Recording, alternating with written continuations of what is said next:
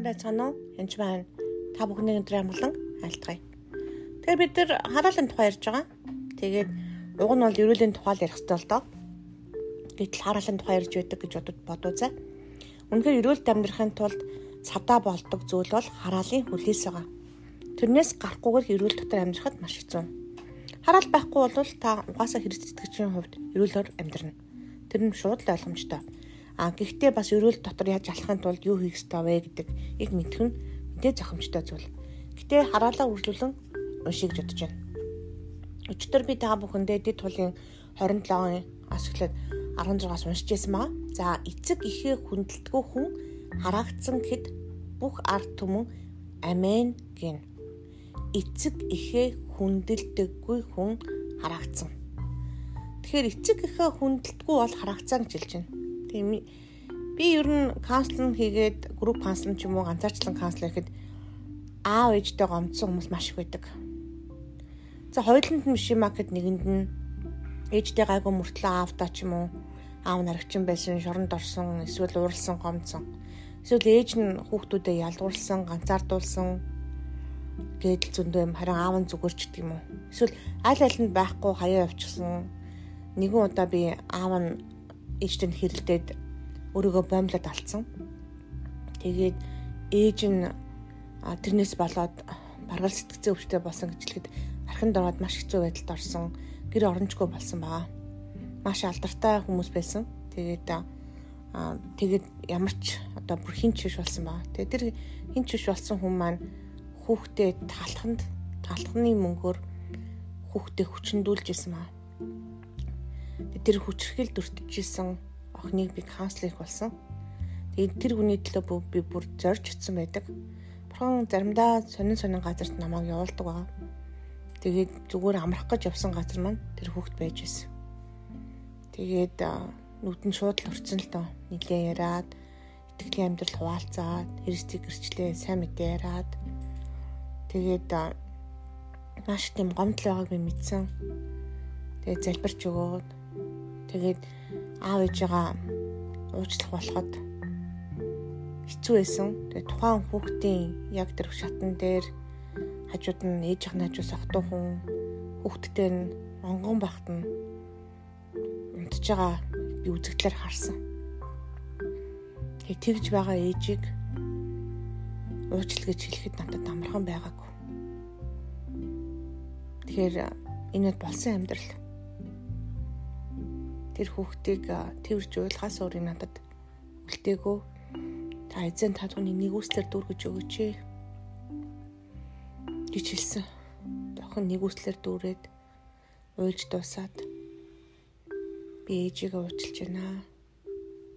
Бэс аавыгаа ч гэсэн уучлж байна. Харин би эмээ өвдөг өссөн сайн юм шүү. Сайхан эмээ өгсөнд баярлалаа гэд бурхан талархсан. Энэ надад бол маш хэцүү байсан. Ялангуяа хүчрэл ихэнх хүмүүсийг канцлер гэхэд гайгүй байдаг боловч яг хүчрхэл дүрцсэн хүмүүстэр би эзэн намайг үзэгдлээр дандаа харуулдаг байгаа тэр хүмүүсийн яг юу тулсныг.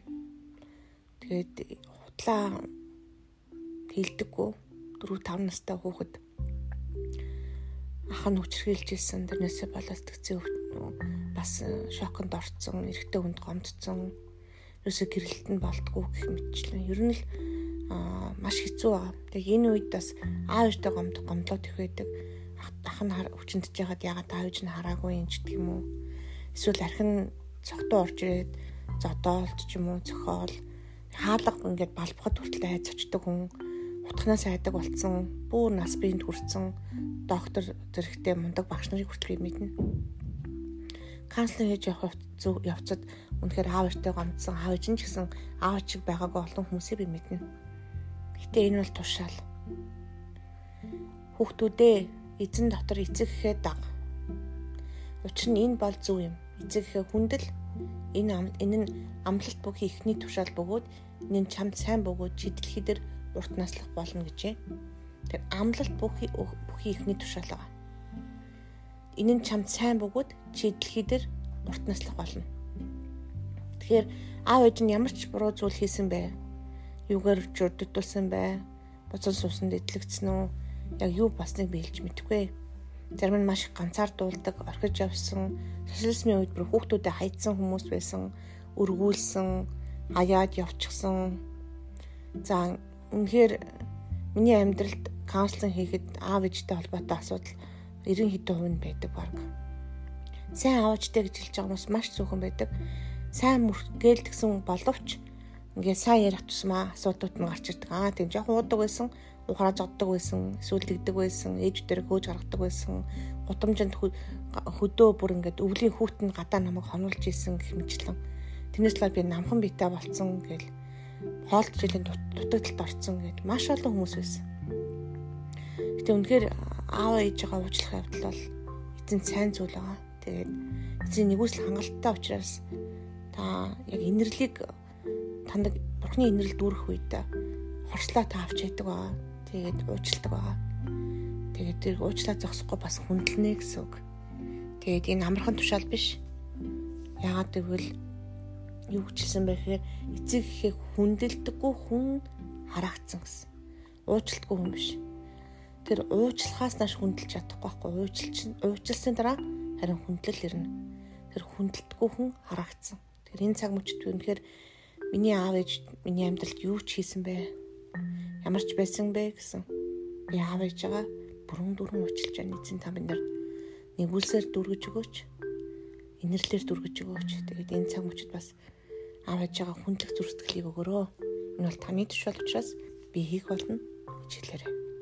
Тэгээд энийг би ганцаараа хийж чадахгүй ч матгүй Ерөнхийдөө надад хүчийг өгөрөө. Хойлоо хамт ия гэж хэлээрэй. Тэгээд наавчаас уучлалт гуйх бол бас уучлаараа гэж уучлалт гуйгараа Тэгээд аав ээж чинь амьд биш байсан ч гэсэн сусан дотор та аав ээж суучлах гоох боломжтой. Аав ээжээ бас уучлах боломжтой шүү. Тэгээд эзэн бурхны нэг үсэл танд дүүрэн байг